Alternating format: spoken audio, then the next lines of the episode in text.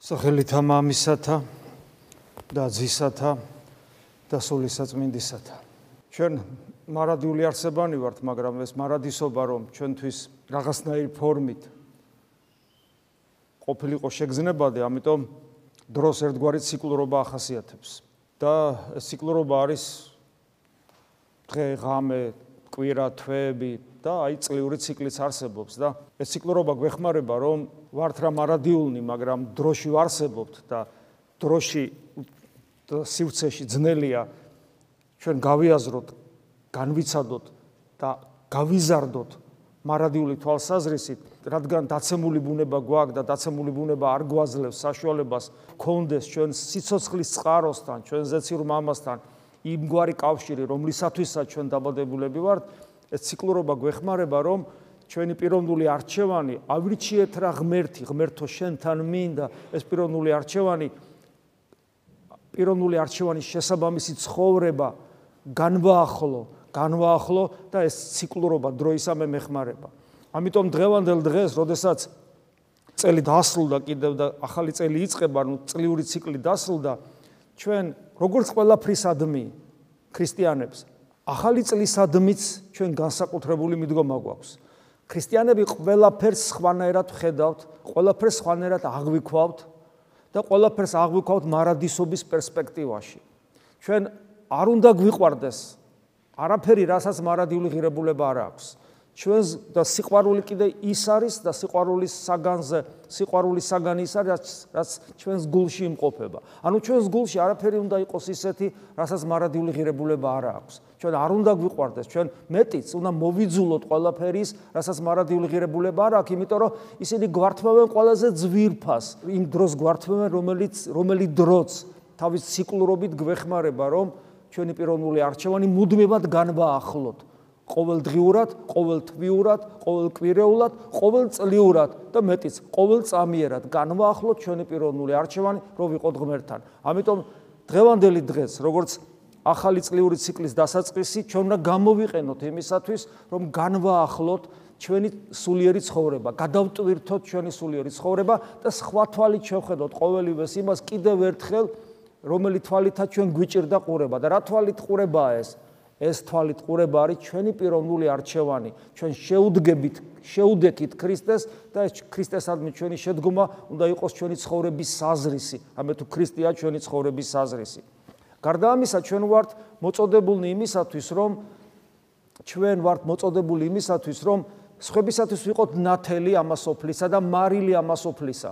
და ეს არის ვალდებულება პრინციპულად მნიშვნელოვანი ჩვენთვის, იმიტომ რომ ეს არის მცნება, რომელი მცნება ჩვენ და აღვასრულოთ. და წარმოიდგინეთ, რა მდგომარეობაში ვარდებით ქრისტიანები, როდესაც ჩვენ ამ მცნებას არ ვასრულებთ და თუ ჩვენ ამ მცნებას არ ვასრულებთ, ანუ არა ვართ მარილი და არა ვართ ნათელი ამას ოფლისა, მაშინ ჩვენ ვაპკოლებთ ჩვენს გარშემო მყოფ ადამიანებს, რომლების სარწმუნოებაში მოსulis ერთ-ერთი მნიშვნელოვანი პირობა ის იყო, რომ მათ ქრისტიანი ენახათ. ადამიანმა უნდა ნახოს ქრისტიანი, ადამიან რწმენა გაგონებიდან არის პავლე მოციქული.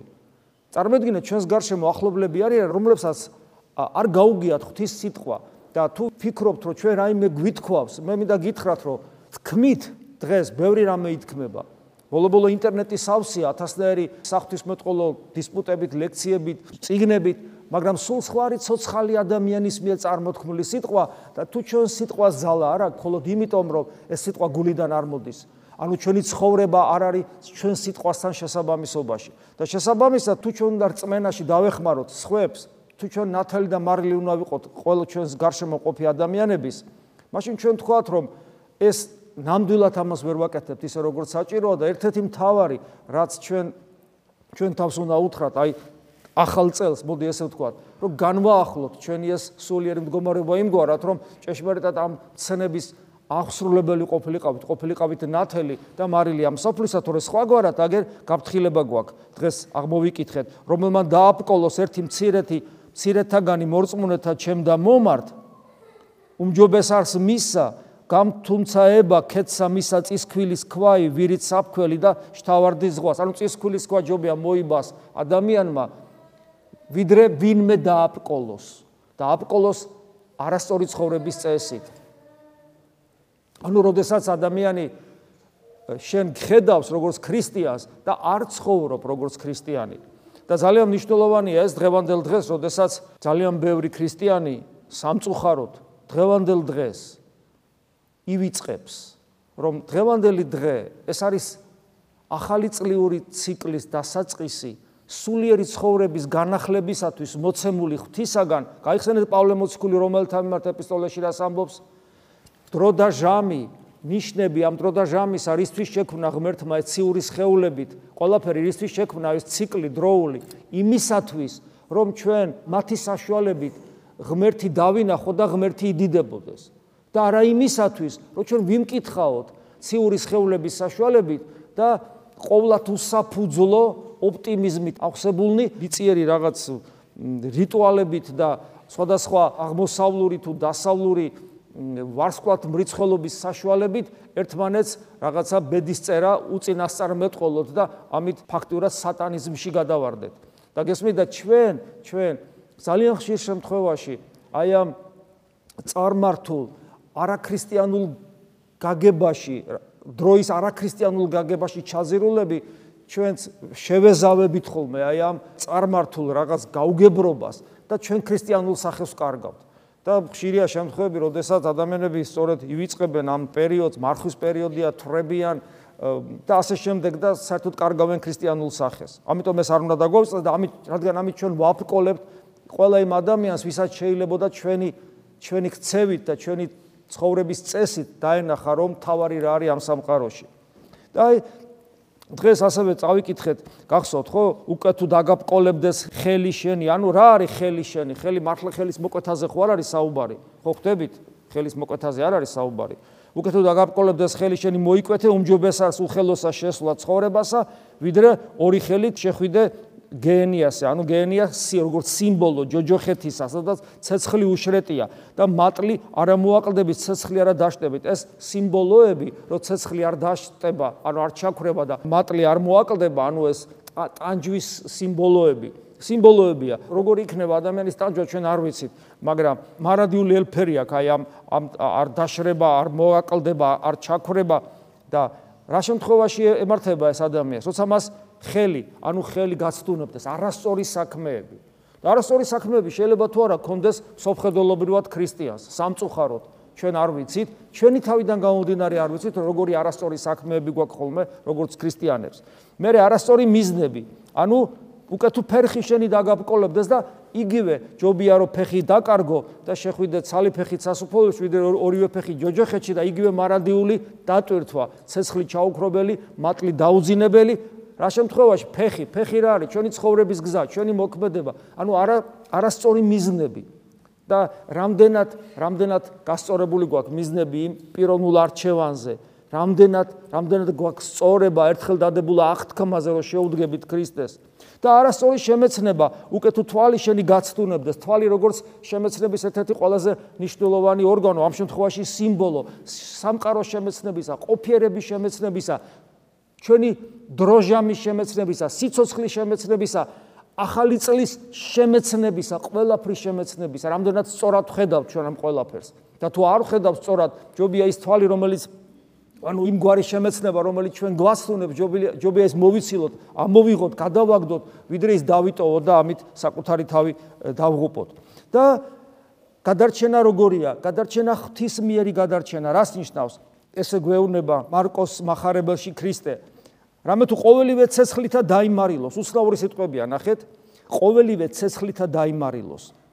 მარილი მარილია, ცეცხლი ცეცხლია. რას ნიშნავს ცეცხლითა დაიმარილოს? მე აგზელებს და გასაგები ხდება. ყოველი შესაწირავი მარილითა დაიმარილოს. ეს ძველი აღთქმის აღთქმისეული რიტუალებიდან არის აღებული და საბოლოო ჯამში ეს ნიშნავს იმას, რომ მარილი როგორც ხრწნისაგან ხრწნისაგან ხორცის ხრწნას ხო მარილი უშლის ხელს ანუ ხრწნისაგან ხრწნისაგან დამცავი. ეს არის მარილი მაგრამ უცნაური სიტყვები რა არის აქ? მარილი გასაგებია სიმბოლო რომელიც ხრწნისაგან იცავს მაგრამ ცეცხლით დამარილება რას ნიშნავს? და აი აქ არის ზუსტად ერთგვარი აი ეს მინიშნება ჩვენ შინაგან სამყაროზე. იმიტომ რომ გვასწავლის უფალო ნათელი იყავი და მარილი იყავი ეს მარილი ხო მართლა მარილი არ არის? რა მარილია ეს და ვისა აქვს ეს მარილი ვისა აქვს ეს მარილი მარილი აქვს იმას ვის გულში ცეცხლია რა ცეცხლია ეს? ეს ის ცეცხლია, რომელზეც ამბობს უფალი, რომ ცეცხლისა მოვედ მოფენად ქვეყანა საზედა და მნებავს, რათა აწვე აღეგზნას. და ეს ქვეყანა ხშირად გვითქვავს არის ადამიანის გული. ანუ ჩვენს გულში უნდა იყოს საფრთხო ცეცხლი. მახსენდება мама ემილიანეს ამ დიდებული მე-20 საუკუნის მოძღვრის მართლაც დიდებული ადამიანის არქიმანდრიტი ემილიანის სიტყვები, რომელიც სიმონა პეტრეს წინამძღვარი იყო წლების განმავლობაში და სულ ახლახან გარდაიცვალა. ყოველას გირჩევთ მის წიგნები იკითხოთ ის ამბობს რომ აი სტასიდებზე რო დგანანო მონაზნობიო სახურების დროსო რომ შეიძლებოდა სულიერი თვალი დანახვა ბერები ხო დგანა სტასიდებზე ესადაც სკამებია ბერძნული ტრადიციაში თქვენი სახით ცეცხლოვანი სვეტები უნდა იდგესო აი ის კი არა რომ ადამიანის სახურებაზე რო დგას და ლაბისა წაიქცეს და მიძინებულია და გარემო სიტუაციას აქცევს ყურადღებას ვინ როგორ დგას ვინ როგორ იქცევა და ასე შემდეგ არამედ ცეცხლის სვეტივით უნდა იდგეს, მაგრამ ეს ცეცხლის სვეტი რაღაც აღმოსავლური მედიტაციური რაღაც იოგური ცეცხლი კი არ არის, ეს არის ცეცხლის სიყვარულისა, ღვთისა და მოყვასისა. ამიტომ თუ თქვენ დგახართ აქ და თქვენში მინავლებულია ღმერთისა და გვერდზე მდგომი მოყვასის სიყვარული, ფრთხილად იყავით. ფრთხილად იყავით. სხვანაირად ის ცეცხლი არ ინთება, თუ თქვენ არ გიყვართ. არ გიყვართ უპირობოდ. მიმტევებლური სიყვარულით, ყოვლად მიმტევებლური სიყვარულით, როგორი სიყვარულითაც ქრისტეს უყვარს ადამიანები. იმიტომ რომ ეს ცეცხლი თავად ქრისტეა და ამაშია საქმე. ეს წერია ზუსტად ცეცხლითა დამარილება. ყოველივე, ანუ იმ ღვთაებრივი ცეცხლით გადარჩები შენს და შენს გარშემო მყოფებით. და მე წერია კეთილარს მარილი, ანუ იგივე ცეცხლი, ხოლო უკვე თუ მარილი უმარილო იქმნეს. უკვე თუ ეს ცეცხლი, უკვე თუ ეს ცეცხლი არა სიყვარულის მიერი ცეცხლი იქმნეს, არამედ ფანატიკური რელიგიურობის ცეცხლი იქმნეს, ეს უკვე მარილი აღარ არის და როგორ ღაშიანელებს იგი და ყოლავ გვახსენებს და სხვა ადგილას ამბობს, ესეთი მარილი გაიპნევა gare და ფეხების ფეხებით დასარდგუნებლად გამოდგება მხოლოდ და გაქვს თქვენისა თავისა მარილი და მშვიდობით იყვენით ურთიერთას.